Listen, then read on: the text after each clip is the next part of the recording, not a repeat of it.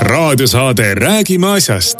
Eesti asjadest nii nagu need on, räägivad Mart ja Martin Helme ning nende huvitavad saatekülalised pühapäeviti kell üksteist.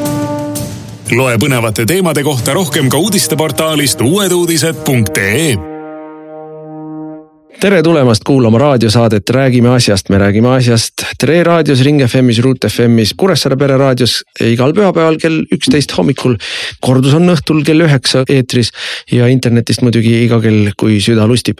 täna on Stammidena stuudios Mart Helme, mina Martin Helme ja võtame saate teises pooles telefonile Jaak Madissoni, et rääkida Prantsuse valimistest ja sellest, mis eelnes ja mis on järgnenud ja mis hakkab saama. aga teiste teemadena räägime räägime me Eesti, äh, Eesti valitsuse poliitikast seoses Ukrainaga ja äh, eelkõige kõikidest neist võltspoosidest, mis meil siin on. ja räägime äh, ka sellest lisaeelarvest, mis on esitatud. nii et sisepoliitika vallas siis hoidke piip ja prillid. viimastel päevadel on paar head nupukest ilmunud, mis ma ei ole kindel, et inimesi noh, nagu raputaks nii palju, kui vaja oleks. üks nupukene oli see, et Eestis on kasvanud rekordtasemele naftatankerite business. Ainult, et need naftatankerid eh, justkui ei tule kuskilt ja ei lähe kuskile, ainult vahepeal tulevad laevad Eestis nafta maha ja siis kaovad ära Peterburi poole ja tulevad sealt täislastiga jälle tagasi. aga ametliku retoorika järgi Eesti on riik, kes mitte, kes on lõpetanud igasuguse energia ostu Venemaal Venemaalt ja. ja, ja, ja, ja gaasiga sama lugu ju, et meile räägitakse, kuidas meie Vene gaasi ei osta. Ja võtame siin tohutult poose ja, ja Eesti peavoolumeedia sõimab muidugi nii nagu alati. kui Eestis on süüdi kõikides asjades EKRE, siis Euroopas ja maailmas on süüdi kõikides asjades Orban. Et lugesin mingisugust skandaalist, nördimusest nõretavat äh, pealkirja, et Orban maksab rublades Vene gaasi eest. ja noh, muidugi siis äh, kahe suupoolega sõimatud, milline Vene sõber on Orban. aga kui siis hakata lugema äh, mõnda teist uudist kuskilt kõrvalt, siis tuleb välja, et sakslased maksavad rublades ja kreeklased maksavad rublades ja soomlased maksavad rublades ja. austerlased maksavad rublades. ja prantslased maksavad rublades ja, ja tuleb välja, et äh, tegelikult kui natuke koukida, siis Eesti ka maksab rublades. ainult kaks riiki on, kes ei maksa rublades, üks oli Poola ja see, see, sellel keeratigi kraanid kinni ja teine oli Bulgaaria kusjuures Bulgaarias on praegu sisepoliitik kriis ja Bulgaarias äh, nõuavad töölised töölised nõuavad, et valitsus peab lõpetama selle, peab äh, taastama gaasitarned, sest vastasel korral tabab äh, Bulgaaria majandust tõsine kollaps. nii et aga mida see meile kõik räägib, see räägib meile eelkõige kahepalgelisusest, ta räägib sellest, missugune arulage ja, ja valelik propaganda meid iga päev me, meid pommitab, sõna otseses mõttes meid pommitab.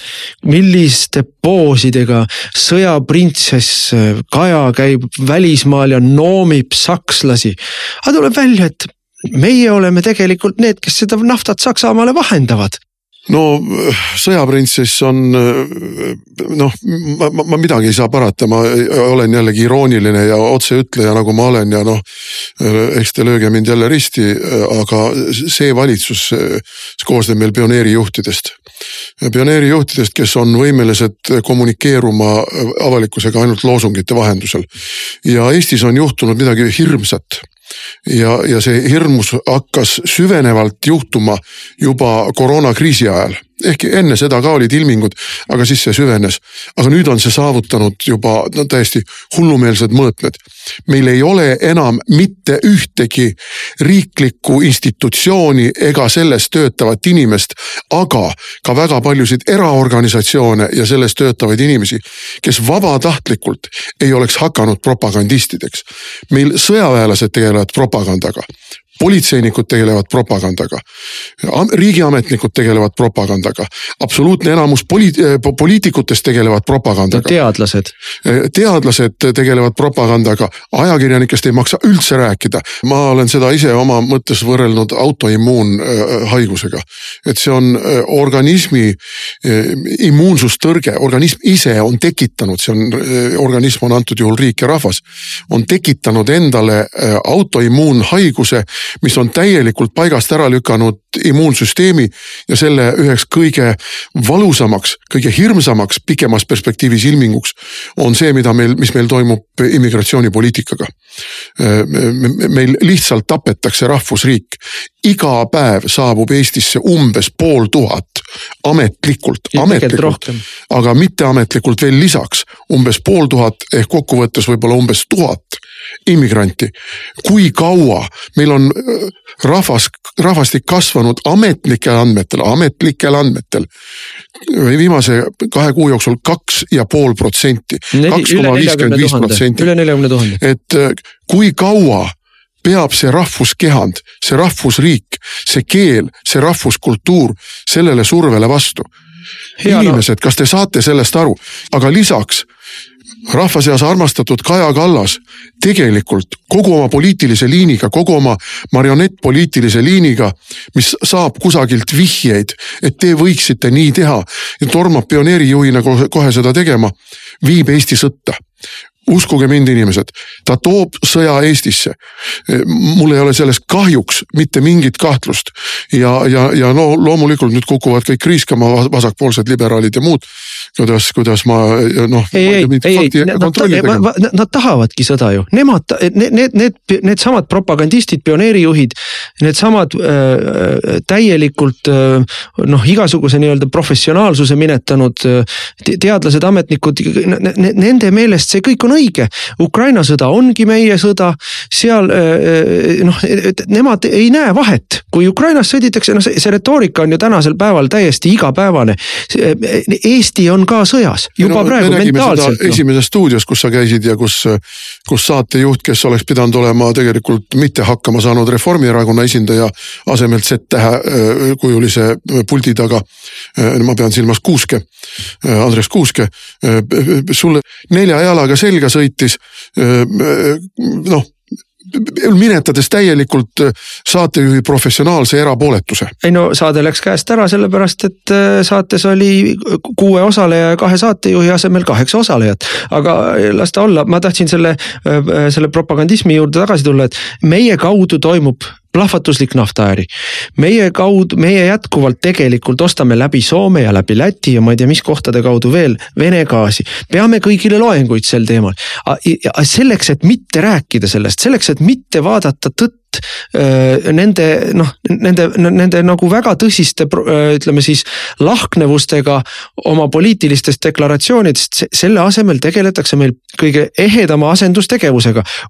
ja, ja, ja elatakse ennast välja Anne Veski peal või, või Uku Suviste või, või, või no, Leit Šaajeva peal või Mart Helme peal, et noh, miks nemad ei ole ikka veel kuulutanud Slava Ukraina või ma ei tea, mis iganes kohustuslikud loosungid on, millega tuleb igal hommikul üles tõusta ja hõigata, nii et kõik ikka näeks ja kuuleks. ja vihkamisminutitel üle käia need kollektiivis, et selle asemel, et tegeleda päris asjadega, sellesama äh, äh, plahvatuslikult kasvanud naftatransiidiga või, või, või nende, nende teemadega või, või ka üheksanda mai äh, noh katastroofiga, mis meie suunas veereb, julgeoleku teemalise katastroofiga, mis meie suunas veereb. Äh, selle asemel siis tegeletakse meil äh, absoluutsete pseudoteemadel skandaalikeste puhumise ja, ja pikali pildumisega. selle asemel, et rääkida Reformierakonna seotusest rahapesuga nokitakse, ma ei tea, Gerd Kingo kuluhüvitiste kallal, et, et noh. aga ei räägita sellest. see on see autoimmuun. ei räägita sellest, et kõik peale meie erakonna saadikute liisivad kuluhüvitiste eest autosid, ostavad endale nelja aastaga auto välja kõik peale meie äh, äh, fraktsiooni saadikute samuti ei räägita sellest, et kuluhüvitisi on kuritarvitatud selleks, et kuluhüvitiste eest saadikud, jällegi koalitsioonisaadikud, tasandaksid mm, inflatsiooni. kuluhüvitiste eest on ostetud kuldmünte, nii, niinimetatud meene nime all on ostetud meeneid, kuldmünte, no ma tahan teada, kellele neid meeneid on jagatud. ja huvitav küll, käivad ajakirjanikud paar korda aastas kauki nokkimas neid kuluhüvitisi, aga sellest uudist ei tule.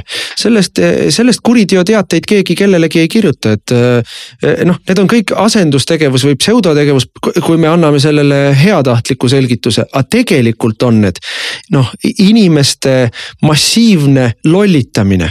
et mitte märgata seda, et sul sisuliselt maja põleb, siis tegeletakse mingisuguse noh, mingisuguse totaalse nina nokkimisega. Eh, mida hea küll, no ütleme nihukeses tavapärases poliitilises kliimas võiks isegi ju endale lubada, et noh, tuleb, ega ma ei õigusta. noh, nii mõnigi teema on võib-olla täiesti põhjendatud teema avalikkuses ka arutada. aga need ei ole, aga nende, nende teemade arutelu ei ole antud juhul mitte sellepärast, et inimesed tahaks nendel teemadel arutleda, vaid need on tehtud selle jaoks, et juhtida tähelepanu mujale mingitel palju tõsisematelt teemadel. meilt nõuabki praegu julgust teistsugust juttu rääkida, ausat juttu rääkida sellest, et me ei ole mingid putinistid, aga me hoiatame rumala marionetliku käsutäitmise ja totruste eest, mis toovad Eestile õnnetuse kaela no ma ütlen veelkord, et selle asemel, et küsida ikkagi, miks Reformierakond aastakümneid takistas Eesti riigikaitset, miks Reformierakond on aastakümneid takistanud näiteks LNG terminali tegemist, et hoida meid Vene, äh, Vene gaasiga totaalses sõltuvuses, miks Reformierakond aastakümneid on takistanud äh, rahapesu uurimist. esimene asi, kui valitsusse sai, et äh, need on ju kõik seosed Venemaaga, mis on selle põhjuseks, et nendest mitterääkimiseks on vaja luua kõrvale mingisugune hernehirmutis, keda siis peksma minna. ja, ja, ja noh, ütleme siis meie erakonnast, sinust, minust ja, ja, ja, ja, ja mingitest mingitest loomeinimestest, kes ma arvan, et oma igapäevaelus poliitikaga lihtsalt ei tegele, ei peagi tegelema, see on normaalne ühiskond, kus sa ei pea iga päev poliitika peale mõtlema, et, et jumala eest, et ega ma nüüd ei ole valel seisukohal, vabas ühiskonnas ei ole sellist asja nagu vale seisukoht. et neid, neid nii-öelda hernehirmutisi tekitatakse selle jaoks, et jumala eest mitte päris asjadega rääkida, aga sa ütlesid, et Reformierakond tahab Eestit sõtta viia, ma olen sinuga täiesti nõus. esiteks arvestame seda, et sõja ajal valimisi valimisi ei toimu. sõja ajal eh, põhiseaduse järgi valimisi ei toimu. ma arvan, et Reformierakonnale see mõte väga meeldib. Eh, ma arvan, ka Keskerakonnal ei ole selle vastu midagi, sest et kui me vaatame, kus on Keskerakonna toetus praegu, paremaks ta minna ei saa järgneva aasta jooksul, pigem kehvemaks siis neil ei ole midagi selle vastu, kui noh, keerulised kriisiolud lihtsalt lükkavad edasi natuke valimisi. ja noh, ja, ja, ja see retoorika, mis sinna juurde käib, ongi, aga me juba oleme sõjas. et eh, noh, lihtsalt me juba oleme sõjas. kusjuures see, mida toimub, mis toimub praegu immigratsiooniga, minu meelest tekitab meile ohu kodusõjaks. sellepärast, et need kõik need lood sellest, kuidas meil tuleb põhiosa immigrante, põhiosa Ukrain-, nii-öelda ukrainlasi tuleb üle idapiiri. Siis need ei ole tegelikult ukrainlased, noh, noh tuleb öelda välja selge sõnaga, need ei ole ukrainlased, need võivad olla Ukraina passidega inimesed. Need võivad olla Donbassist pärit inimesed, aga nad ei ole ukrainlased. Need on, politsei on öelnud, et massiliselt uhi uute Ukraina passidega. aga kes need uhi uued Ukraina passid välja andis? kas need anti välja Donbassis, anti need välja, ma ei tea, Ukraina võimude kontrolli all oleval territooriumil, aga võib-olla need anti välja ka Venemaal ja, ja see on hübriidsõja osa ja kui meie julgeolekuasutused, kes tegelevad sõna otseses mõttes praegu sellega, et ähvardavad eestlasi, et ärge te jumala eest julgege üheksandal mail midagi teha või öelda või lippu näidata. sest et nemad käsitlevad seda provokatsioonina. no, no see on, noh, see on, see on nii skandaalne ja sellest jälle ajakirjandus ei räägi, vastupidi no., ajakirjandus keerab selle pea peale ja ütleb hakkab naeruvääristama seda. ei no ajakirjandus ütleb, et me valetame meie just nagu valetaksime seda, et Elmar Vaher on öelnud, et ta ei soovi, et tekiks olukord, kus politsei peab kelleltki Eesti lipu ära võtma. kulla sõber, kulla Elmar kolmkümmend aastat on olnud Eesti Vabariiki pärast Nõukogude Liidu lagunemist. ja sa tuled meile rääkima, et Eesti Vabariigi territooriumil ükskõik mis kellaajal, ükskõik mis kohas ei tohi Eesti lippu kanda ja politsei peab selle Eesti lipu ära võtma.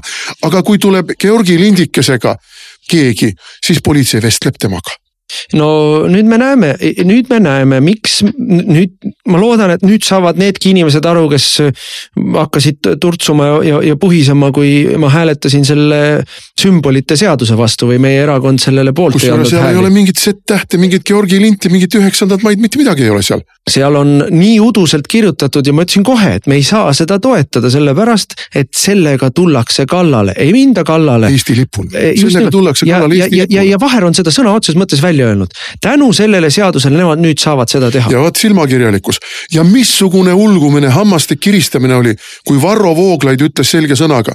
selle lipu all tehakse praegu niisugusi sigadusi, et tal hakkab juba villand saama siis oli tema jälle Putini agent, eks ole, siis me, siis pandi talle sõnu suhu asju, mida ei ole olnud. Täiesti teadlikult ja tahtlikult tõlgendati tema mõtet noh, absoluutselt vääralt ja, ja, ja siis peksti selle väärtõlgenduse eest. aga nüüd me näeme, et tänane Eesti valitsus ei pane mitte Eesti lippu rinda, vaid paneb Ukraina lippu rinda ja toob Eestisse venelasi.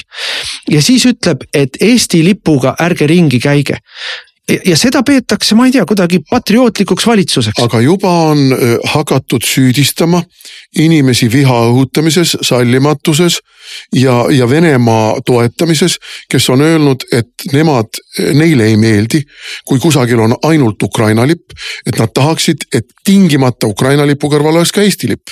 see on juba viha õhutamine see on juba Venemaa toetamine. mida, mida Maris Lauri tahab kriminaalkaristatavaks teha, mida Reformierakond on tahtnud korduvalt.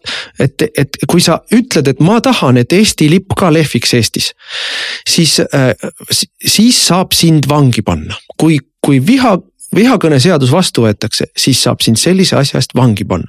ja nüüd me, ja nüüd me oleme siis selles, selles riigis, kus, kus Reformierakond on üle kolmekümne protsendise populaarsuse peal väidetavalt, kui me usume küsitlusi. ja noh. üha raskem on uskuda. üha raskem on uskuda. ma aga... loen kommentaare ja, ja no mitte kogu aeg, aga aeg-ajalt. ja ma ütleksin, et inimestel nende olmeraskuste taustal, mis üha süvenevad ja need süvenevad jätkuvalt ja, ja üha kiirenevas tempos. on ikkagi päris tõsine pahameel nii Kaja Kallase vastu personaalselt kui ka Reformierakonna ja praeguse valitsuse vastu ju saavad reformierakondlased ja, ja neid siis niidi otsas äh, riputatavad, äh, riputavad süvariiklased ju sellest ka aru, et ega see Reformierakonna populaarsus ei püsi, ta ei saa püsida, no see lihtsalt ei ole võimalik, see äh, läheb võib-olla kuu, läheb võib-olla kaks, aga ta ei saa püsida. ja, ja selleks, et, et nii-öelda lahendada ära siis see probleem, mis sealt tuleb. sest ei lähe Reformierakonna hääled, kõik ei lähe Eesti kahesaja taha tagasi, ehkki seda on ka rõõm vaadata, kuidas Eesti kahesajal läheb kehvemini, ei lähe kõik sotside taha tagasi. ehkki seda on ka rõõm vaadata, kuidas sotsid põhimõtteliselt noh, põhimõtteliselt võitlevad ellujäämisvõitlust praegu.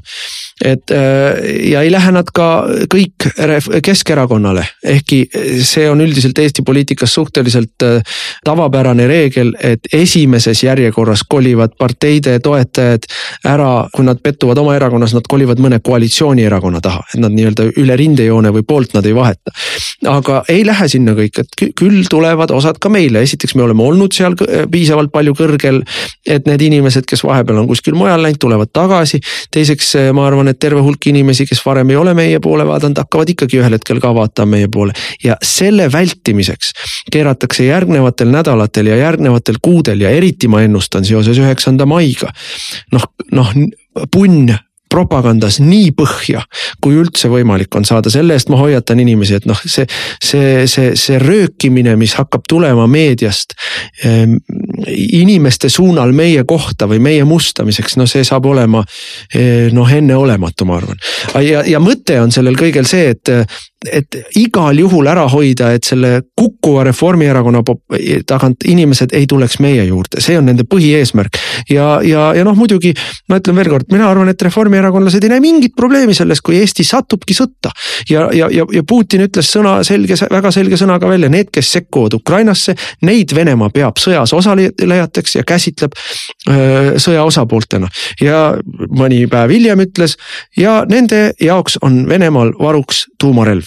Ja, ja nüüd nagu korraks kogu selle Slava Ukraina ja, ja me kõik oleme head inimesed ja, ja me keegi ei taha rääkida ja, ja noh, kui sa kahtled hetkegi selles, et Ukraina igal juhul võidab ja kahtled hetkegi selles, et Kaja Kallase valitsus on, sõjaprintsessi valitsus on olnud kõige eeskujulikum sanktsioonide kehtestaja, siis need inimesed korraks võiks ju mõelda, et kas me tahame et me oleksime Moskval esimeste hulgas, kellele õpetuseks teistele tehakse karistuslöök.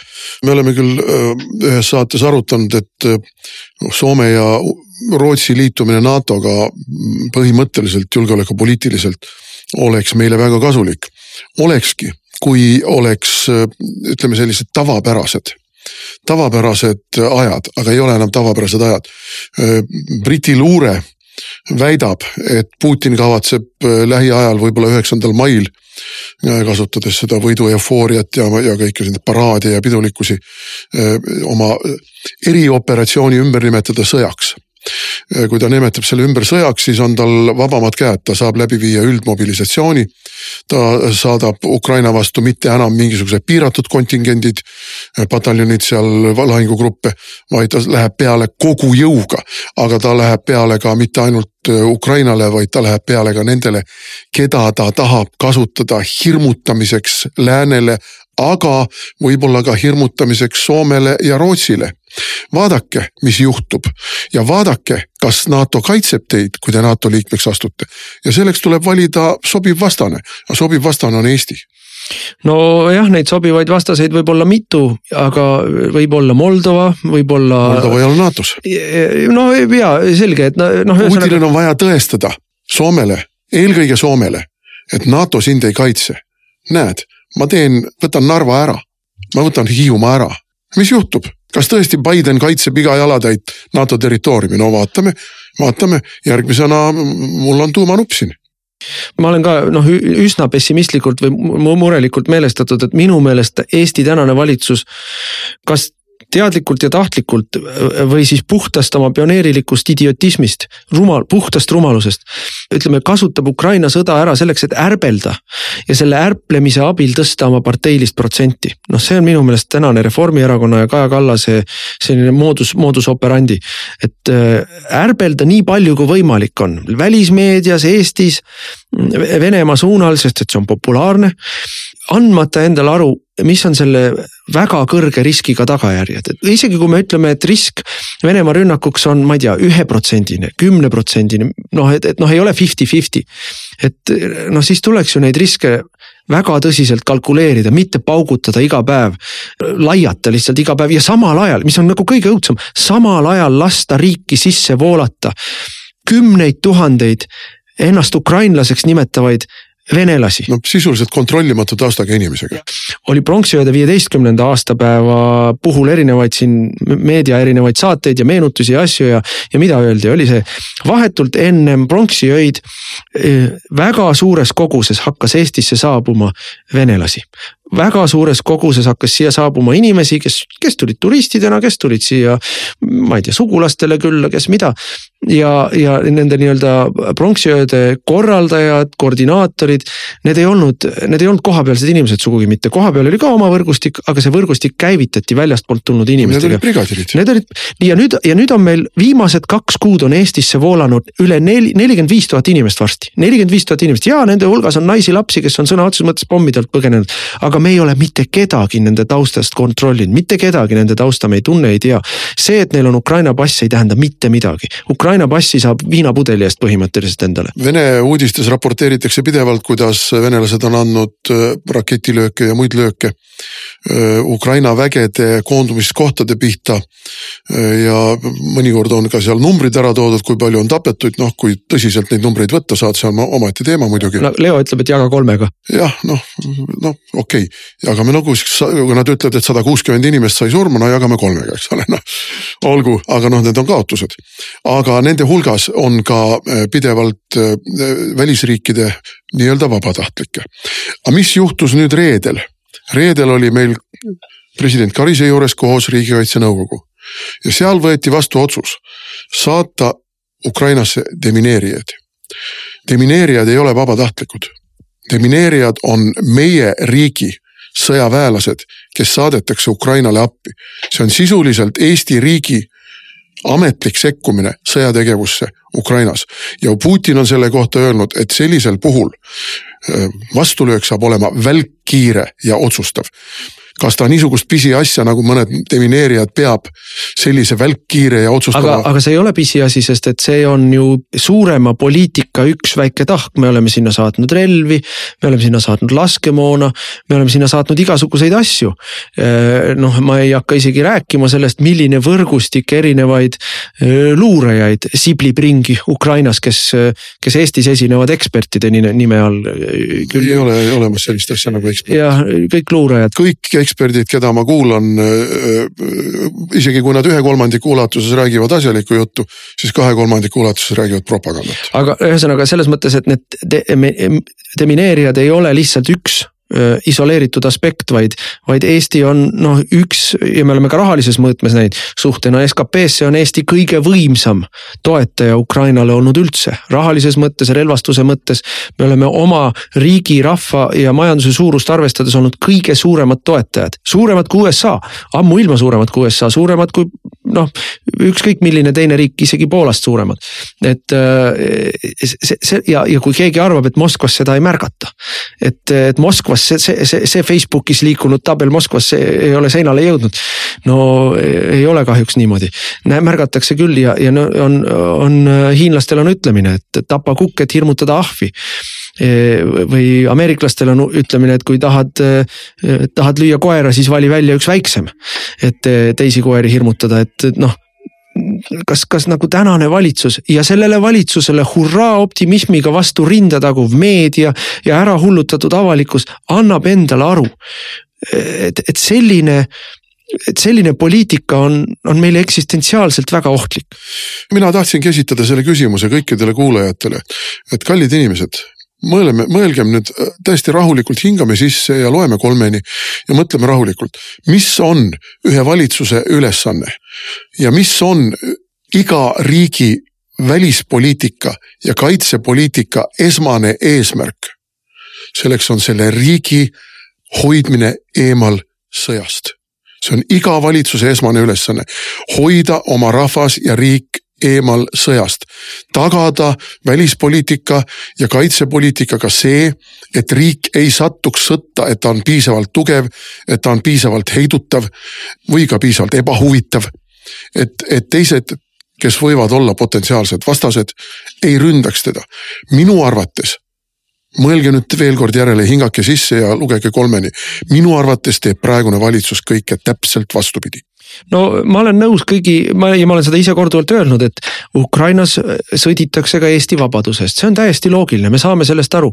ukrainlased äh, tõrjuvad seal praegu Vene agressiooni ja, ja, ja on venelased on ise seda välja öelnud, ukrainlased on seda välja öelnud, poolakad, ameeriklased, kõik on seda välja öelnud, et kui Ukraina kukub, kaotab, langeb, äh, siis Putin ründab edasi, keda, läheb kuhugi edasi või läheb laial rindel edasi, et niikaua kuni Ukraina vastu peab, on, on lootus, et äh, ei lähe edasi, et ta peab kõigepealt Ukrainaga hakkama saama ja võib-olla kurnab ennast nii ära, et ei lähe edasi. et selles mõttes ma saan kõigest aru, ma saan aru, miks me, miks me toetame, miks me oleme Ukraina poolel, noh, seal sõna otseses mõttes. me olemegi Ukraina olemegi poolel, Ukraina poolel. see, see, see, see paaniline soov, mis on Reformierakonnal ja meie meedial, teha meist mingisuguseid Putini käpikuid ja venemeelseid see on, see on, see on absoluutselt vale. me saame kogu sellest loogikast aru ja me oleme loomulikult Ukraina poolel, aga ei saa ju käsitleda kogu seda asja mingisuguse soovmõtlemise ja, ja kuskilt ette kirjutatud propaganda hüüdlausete võtmes. E, aga nüüd ma jõuan järgmise asjani, et see, et me saame aru, et Ukrainas kaitstakse ka Eesti vabadust eh, ei tähenda seda, et me peaksime ise tahtma ka kohe sõjas osaleda. noh, et siin on väga selge vahe vahel, et kuni Ukraina hakkama saab, me peame toetama teda nii poliitiliselt kui teistmoodi, et kuni Ukraina hakkama saab, siis ehk sõda meieni ei jõua. ja see peaks olema nagu ka ju loogiline, et me ei taha, et sõda meieni jõuaks. Ja, ja, ja ma näen, et tänane valitsus teeb täpselt, täpselt nagu sa ütled, et valitsus teeb just nii, et see sõda võimalikult kiiresti jõuaks meieni ja minu meelest on see noh hukutav meile, sest mis kõige olulisem, me ju ei ole valmis selleks. kõik need relvahanked, mida me oleme välja kuulutanud, ei ole ju veel mingeid tulemusi andnud, meil ei ole mitte midagi veel. Kalle Laanet lubab raskerelvastust Ukrainale Eesti poolt, no raskerelvastust, mida meil ei ole. isegi kui me ütleme ja, ja, ja siin noh, täpselt see, mis sa ütlesid, et iga riigi valitsuse ülesanne on hoida sõda ära ja ühel hetkel peab olema valmis ka selleks, et kui seda ei ole õnnestunud ära hoida, siis sa oled võimeline seda sõda pidama nii, et sa võidad ja meietaolisele riigile, väikesele riigile võit tähendab seda, et sa jääd alles. et sind ei, noh ei rullita üle, aga me ei ole ju seda teinud, me neid ettevalmistusi ei ole ju tehtud, et me seda sõda oleksime võimelised pidama. ja mina vaatan seda asja, eh, et mismoodi ameeriklased seda näevad, ameeriklased ju ütlesid ka välja selle sõna otseses mõttes. Nende eesmärk on, et eh, Venemaad nõrgestada, võimalikult palju Venemaad nõrgestada. no see on seesama loogika, millest mina räägin, et niikaua kuni ukrainlased vastu peavad, venelased kulutavad ressurssi, kurnavad ennast. ehk neil isu Eesti kallale tulla ei ole, aga ameeriklased näevad seda ju teistmoodi. Venemaad nõrgestab see, et Ukraina sõda, väga hea, aga äkki Venemaad õnnestub provotseerima mingit konflikti pidama ka näiteks Eestiga, näiteks Poolaga, näiteks Moldova. venitame rinde nii pikaks kui võimalik sest see kurnab Venemaad veel rohkem. Ameerikast vaadates on see väga loogiline, meilt vaadates, Tallinnast vaadates on see väga ohtlik ja me ei tohiks selles mängus niipidi kaasa mängida. no ega siin ei ole ainult äh, mängijateks Ameerika Ühendriigid, Euroopa ja, ja Ukraina ja Venemaa. siin on ikkagi mängijateks ka Hiina, Hiina ei saa lubada, et Venemaa selle sõja kaotab. Hiina ei saa mitte mingil juhul jätta Venemaale oma toetust andmata, sellepärast et hiinlased teavad väga hästi. kui Venemaa kukub, Venemaa laguneb, Venemaa satub äh, valitsuse võimu alla, mis on Ameerika või ütleme laiemalt lääne marionettvalitsus. no ma arvan, et ta fragmenteeritakse ära, ega seal ei ole ühte valitsust enam, Venemaa laguneb siis tükkideks no,. nii või teisiti, ükskõik mis, mis selle Venemaaga juhtub, et Venemaa ei ole enam geopoliitiline mängur siis on ju järgmine Hiina. ja, ja hiinlased saavad suurepäraselt aru. muide, ka India on võtnud väga äh, sellise vaoshoitu, aga pigem venemeelse, Venemaad toetava ja India on ju ka ikkagi suurriik. ja, ja mitte sugugi mingi arengumaa enam. majanduslikus mõttes ma arvan, läheb varem või hiljem Hiinast mööda. noh, ikkagi suurriik ja, ja, ja, ja miks need riigid on võtnud Venemaad toetava hoiaku? Väga lihtsal põhjusel. nii nagu meie näeme Ukrainat enda puhvertsoonina ja, ja võitlemas enda eest. nii näevad nemad Venemaad oma puhvertsooniga, tsoonina ja võitlemas enda eest. et edasi lükata ja olla paremini valmis selleks, kui neil tuleb fataalne konfrontatsioon Ameerikaga. nii et äh, need asjad on, on palju keerulisemad aga noh, Kaja Kallase taoline inimene ei saa sellest aru. noh, ei saa aru ja ei taha aru saada, lubasime rääkida mõne sõnaga ka eelarvest, see kõik haakub selle kõigega, mis me siiamaani oleme rääkinud, et valitsus nüüd esitas oma eelarve, no ma tahaks kõigepealt kõigile, kõigile, kõigile, kõigile meelde tuletada. millist seakisa tegid reformierakondlased alates Kaja Kallasest, jätkates Jürgen Ligiga, Maris Lauriga, Keit Pentus-Rosimannusega, kõik, nad kõik karjusid, et kui meie olime valitsuses, et me ajame Eesti riigi pankrotti, me tekitame oma lastele ja lastelastele ja lastelaste lastelastele veel võlad ja.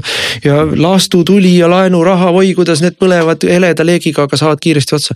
ja mis nüüd tänane valitsus on teinud? koos eelarvega, mis võeti vastu eelmisel sügisel ja lisaeelarvega, mida nüüd on saadetud riigikogu suunas.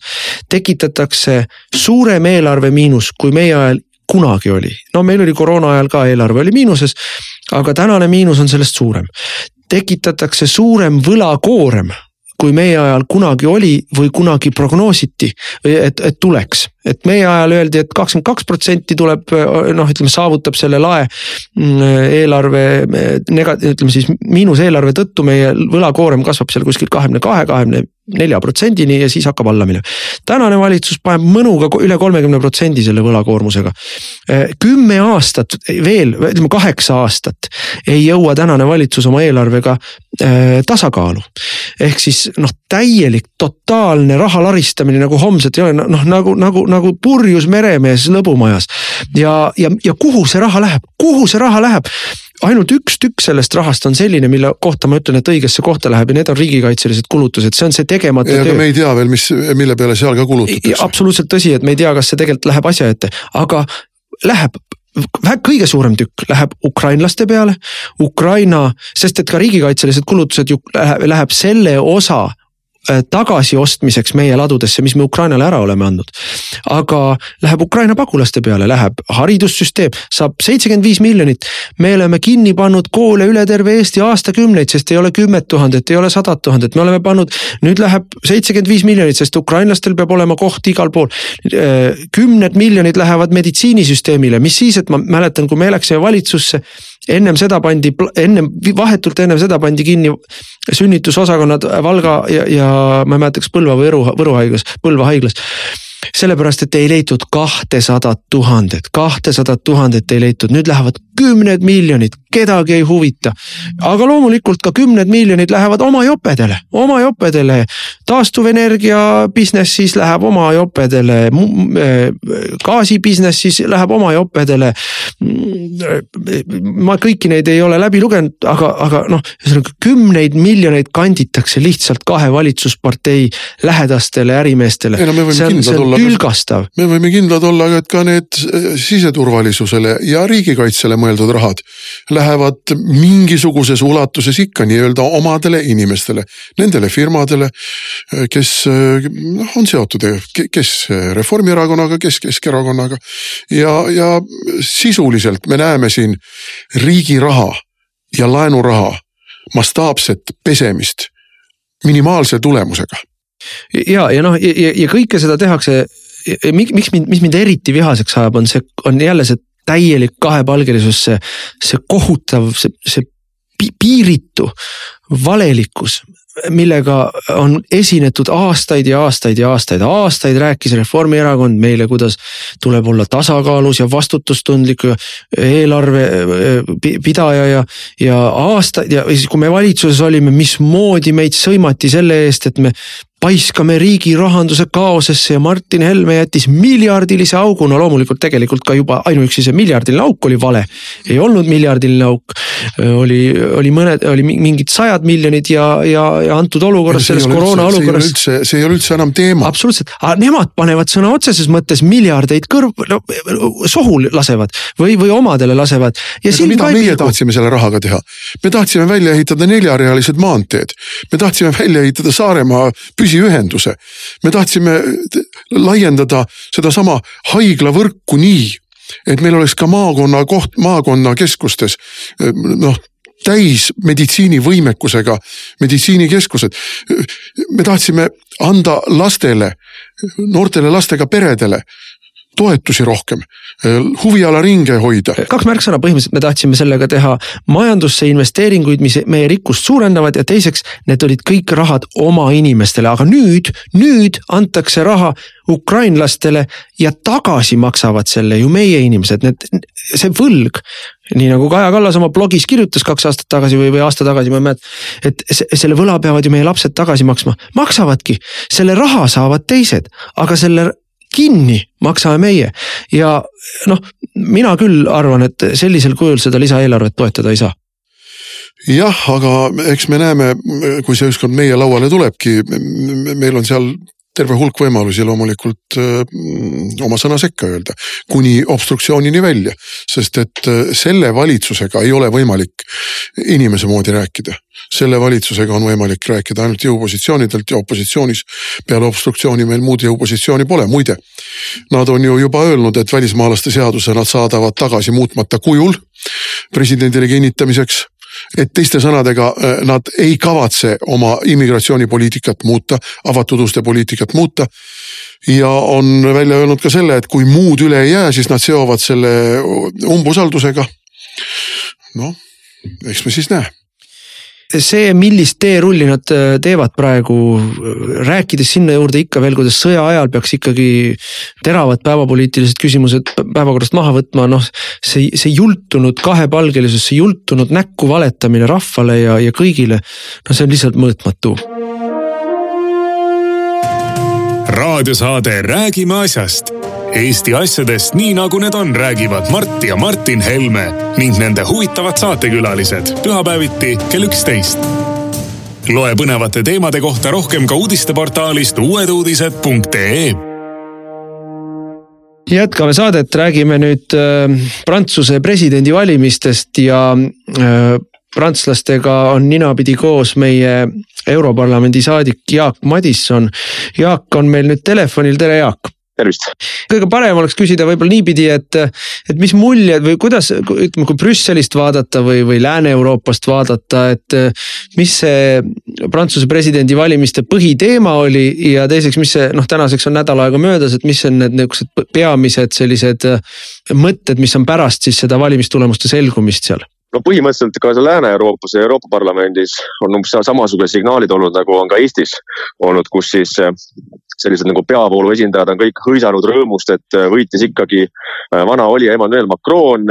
nüüd ikkagi Euroopa säilib nii, nagu ta on. Äh, ei ole ohtu paremäärmuslikele jõududele, kes kohe müüksid kõik justkui Ida-Euroopa riigid Venemaale maha. et see on selline signaal kogu aeg olnud, et valite Macroni, siis on õnn ja rõõm õue peal, aga valite Le Peni, siis on täielik häving. et seda ilmestas ka hästi mõned päevad enne teist vooru Politico paberväljaande esikülg kus oli siis suurelt äh, tumedas toonis Le Peni pilt ja tekst oli, et äh, end of the Europe. et justkui Euroopa lõpp, kui valitakse Le Peni ja noh, selle peale oli see propaganda üles ehitatud. et mitte mingil juhul ei tohi Le Peni valida see on nagu võib-olla ka Eesti raadiokuulajatele lihtsalt teadmiseks, et kui tihti räägitakse sellest, kuidas Le Pen on väidetavalt justkui mingisugune venelaste agent ja, ja, ja saab sealt raha, siis tegelikult palju suurem nii-öelda Venemaa sõber või russofiil on olnud ikkagi näiteks Melanchon, kes napilt-napilt ei saanud teise vooru. esimeses voorus ta jäi Le Penile alla umbes pooleteist protsendiga. ütleme, et Melanchon oli siis põhimõtteliselt kommunist, mitte isegi sotsiaaldemokraat, vaid, vaid noh, ütleme puhas vasakpoolne puru-puru kommunist, jah. jah, ja ta sai ikkagi ütleme kakskümmend üks protsenti komadega. See tähendab seda, et noh, iga viies valija Prantsusmaal on täielik kommunist ja Mélenchon on alati olnud väga-väga venemeelne, täiesti avalikult. ega Macroni venemeelsus ei ole ka ju hämmingus, kuulan sellest, kuidas heidetakse ette, kui, et, et Le Penil on mingid sümpaatiad Putini või Venemaaga, et. no ei tea, mille poolest ta eristub Prantsusmaal, et ikkagi Macroni Vene sõbralikkus on algusest saadik olnud noh, üle võlli ju ja seda ilmestas ka hästi ju see, kuidas Melanchon, kes siis ei saanud teise vooru, kutsus kõiki oma valijad ja toetajaid kindlasti toetama Macroni. ehk siis noh, täielikult nagu venelaste käpik ja kommunist äh, kutsub kõiki oma iga viiendat Prantsusmaa valijat valima igal juhul Macroni. ja noh, kui keegi tuleb väitma kuidagi, et Macron on meile seetõttu kuidagi parem või Eesti julgeolekut äh, aitab edendada, siis noh, see on täielik muidugi illusioon milles äh, väga paljudel eestlastel meeldib muidugi ka elada. aga ma ütleks Macroni, Melanchoni, mis on nende põhiline vahe? vahe on selles, et nii, nii Macron kui Melanchon on suured euroföderalistid jah, täpselt, täpselt ja see ongi kogu see paanika põhjus olnud, sest et äh, see, mis ikkagi Le Pen on öelnud, ta muidugi tõmbas tagasi oma retoorikas äh, enne nüüd äh, selle aastaseid valimisi ja enam väga kindlalt ei väitnud, et Prantsusmaa tema juhtimisel lahkuks Euroopa Liidust või NATO-st või Eurotsoonist. aga ta on pidevalt nii-öelda selle mõttega mänginud ja see ongi see, mis on selle hirmu tekitanud föderalistides ja selles peavoolus, et äkki tulebki uus Trump, keda ei anna kontrollida kes ei ole kuidagi mõjutatav ja me ei tea, mis ta tegema hakkab. nii et eh, see on see kogu põhikonflikt seal kogu aeg olnud. aga noh, muidugi sisepoliitikas valimiskampaania ajal oli, oli pigem ikkagi tähelepanu hoopis siseriiklikel küsimustel, et noh, tihti meil siin Ida-Euroopas eh, endale meeldib mõelda, kuidas eh, justkui Prantsusmaal on suureks poliitteemaks, ma ei tea, sõda Ukrainas või Venemaa teema. siis noh, tegelikult see on ikkagi kolmanda-neljanda järgu teema, kui sedagi. et põhiline te tegevus ikkagi on käinud inflatsiooni üle, majandusküsimused Le Peni üks põhiline valimislubadus, millega ta võitis väga palju toetajaid juurde, oli lubadus näiteks, ma ei tea, alandada käibemaksu äh, esmatarbekaupadel, toiduainetel viiele protsendile. samamoodi edendada rohkem nende enda majandust, eksporti, et sellised nii-öelda majandusküsimused olid väga, väga suures fookuses ja teiseks muidugi ka siis äh, sisserände immigratsiooni küsimus, kus isegi nii-öelda Emmanuel Macron on sunnitud vähemalt retoorikas muutuma justkui väga parempoolseks. kui rääkis just mõned kuud vahetult enne valimisi sellest, kuidas on suur probleem islamismiga, tuleb ikkagi hakata kontrollima rohkem mošeesid, et seal koolitaks, koolitatakse radikaliseerunud moslemid välja. Äh, nii et see teema oli ka noh, väga tugevalt muidugi fookuses äh, debattide ajal aga ma ütleksin niimoodi, et mina vaatasin neid Prantsuse valimisi ja, ja noh, kahe vooru erinevaid dünaamikaid ja ütleksin, et Le Peni kaotusel oli muidugi mitu põhjust. üks põhjus oli see, et minu meelest tema kampaania ei olnud väga noh paindlik, et tal tõesti olid need majandusteemad olid kesksed teemad ja teistel teemadel ta noh, praktiliselt ei tahtnud sõna võtta. et see oli, ma arvan, üks põhjus, et ta ei olnud dünaamiline.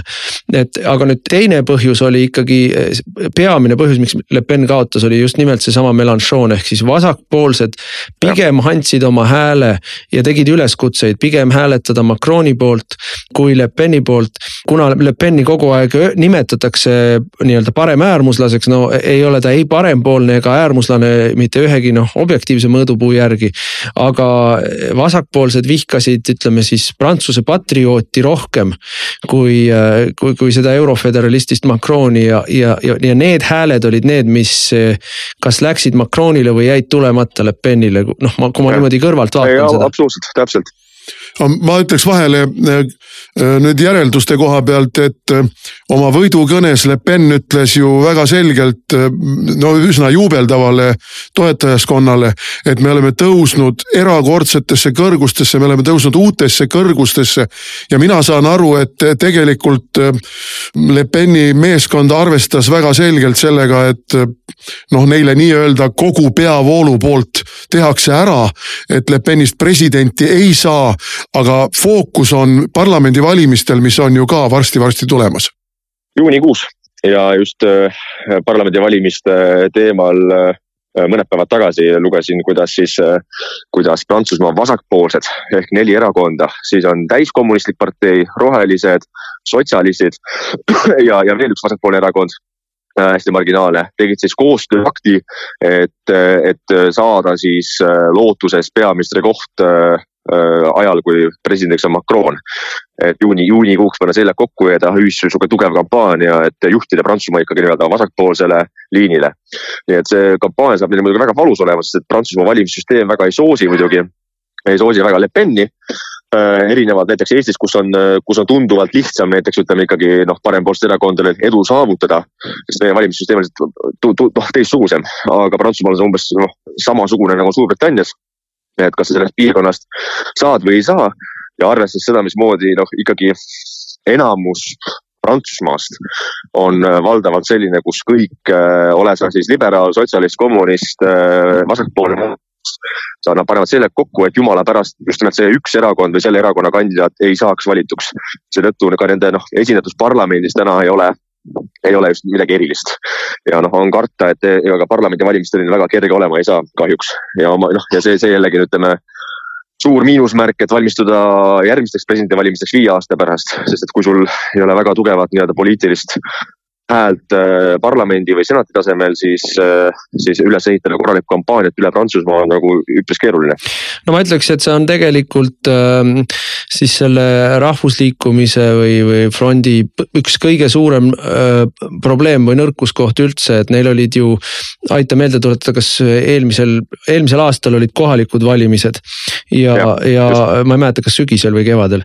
sügisel. jah, ja seal kohalikel valimistel neil läks ka küllaltki kehvasti hästi. ja nüüd ja. seisavad ees neil äh, parlamendivalimised ja äh, tegelikult on probleem selles, et äh, seesama siis Rahvusfront on põhiliselt viimastel aastatel kümnetel tegelikult keskendunud kahtedele valimistele, üks on presidendivalimised, mis käivad iga viie aasta tagant ja noh, põhimõtteliselt ju võib öelda, et eh, iga kord on nad saanud parema tulemuse kui eelmine kord. Eh, aga võitnud ei ole kordagi.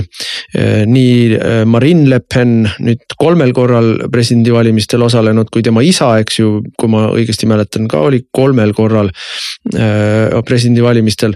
ja, ja siis on nad, üldiselt on neil hästi läinud Europarlamendi valimistel, sest Europarlamendi valimised valimised on proportsionaalsed valimised ja, ja noh, ütleme, nad saavad nii palju kohti, nagu on protsenti.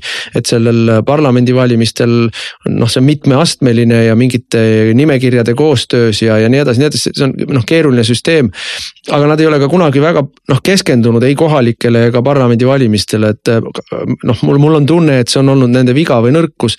ja kui nad nüüd jäävad ootama järgmisi parlamendi, europarlamendi valimisi või järgmisi presidendivalimisi, siis äh, mina ei ole kindel, et see, äh, see laine või see, see kõrgus, kuhu praegu tõusti, et see püsima jääb. kindlasti ütleme, mille pärast nad peavad muretsema Prantsusmaal on see ja see on päris kindel fakt, et kuskil nelja aasta pärast hakkab kindlasti esile kerkima uus Eriksen Muur äh, nii nagu enne praeguseid valimisi justkui kerkis esile uus nagu tõeline parempoolne, kes esindab siis õigemini neid seisukohti ja väärtusi, mida Le Pen on esindanud siis seetõttu tuleks hoopis Eriksen Muuri valida. Eriksen Muur kukkus läbi õnneks, kuid sellest hoolimata vähemalt kampaania alguses suutis siin Muur tõmmata väga palju valijaid üle Le Peni poole pealt. Ja suutis üle tõmmata ka näiteks Europarlamendi liikmeid prantslaste seast, näiteks neli prantslast meie poliitgrupist äh, läksid Erikson Muuri poolele, lootuses, et Erikson Muur seda suudab siis äh, saada teise vooru ja konsolideerida enda taha kõikide parempoolsete rahvuslaste hääli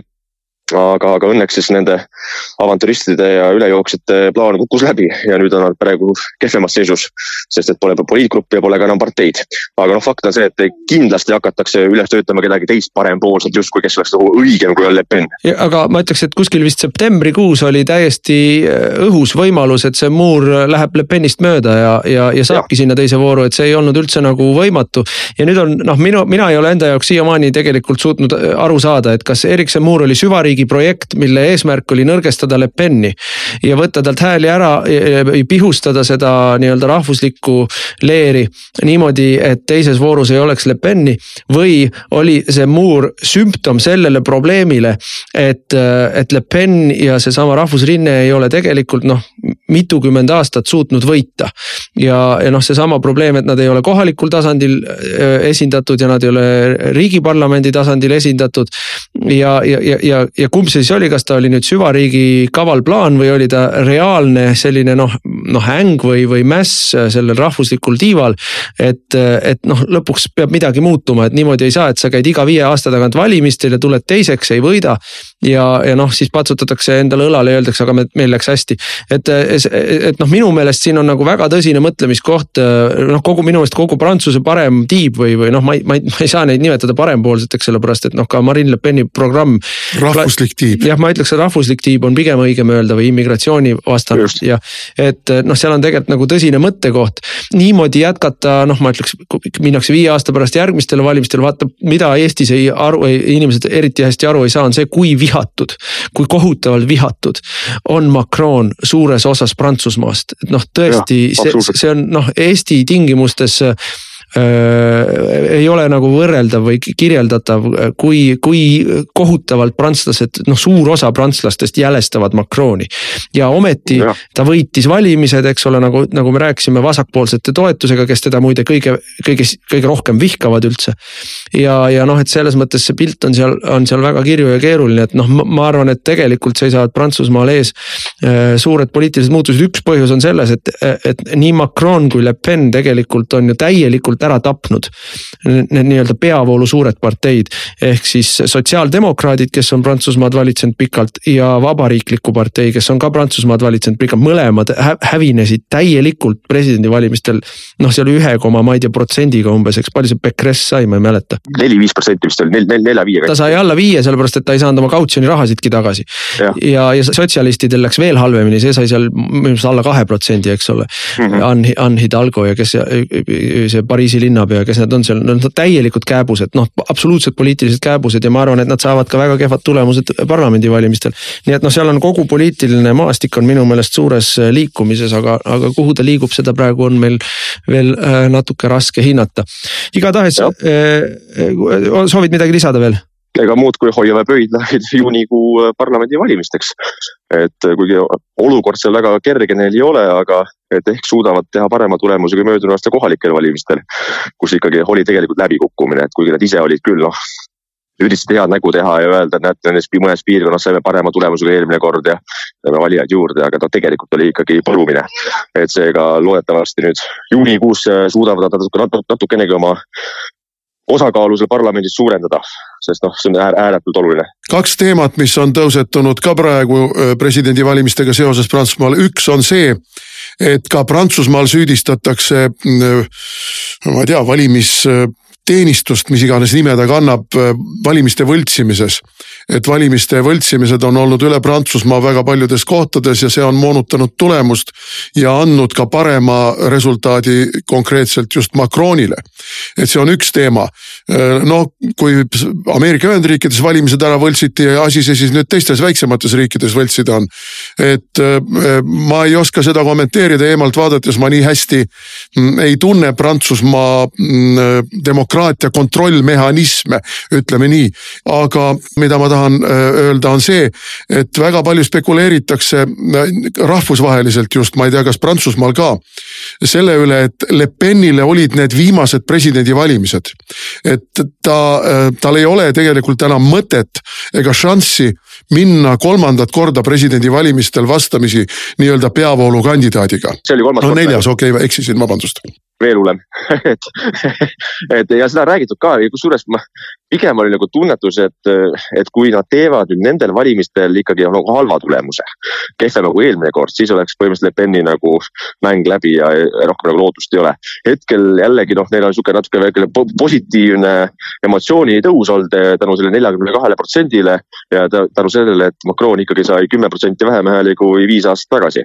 et seega noh, ei ole midagi nagu välistatud, aga loomulikult, kui sa oled juba kolm korda kandideerinud, saanud teise vooru ja seal kaotanud, siis ega neljas kord minna jälle sama näoga kakskümmend aastat järjest ei ole väga lihtne aga, aga mis puudutab ka valimiste võltsimisi, siis loomulikult, et noh, ma arvan, et siin teeb Eesti nagu silmad ette kõigile, sest Eesti on maailmas äh, ainukene riik koos Venemaaga, Venemaaga, kes, äh, kes siis rakendab hästi modernset ja progressiivset valimissüsteemi, mida ei saa kontrollida ega vaadelda ega kuidagi siis pärast kasvõi kahe tulemustes. nii et äh, ma arvan, et prantslastel ja süvariigil oleks muidugi mõistlik hakata Eestist seda tehnoloogiat sisse ostma ja, ja siis poleks mingit muret enam Le Penide või parempoolsetega või siis rahvuslastega üle Euroopa ja no selle, selle teemaga me peame eraldi veel tegelema. aga suur tänu, Jaak Madisson, et sa meid aitasid, meie kuulajaid aitasid Prantsuse valimistest natuke sotti saada ja kõike paremat ja jõudu sulle Brüsselisse. aitäh ja kõigile ilusat päeva. selline sai tänane saade, täname kõiki kuulamast ja kuulake meid jälle nädala pärast Te kuulasite raadiosaadet Räägime asjast. saate eest tasus Eesti Konservatiivne Rahvaerakond. järelkuulamine internetis treeraadio.ee ja uueduudised.ee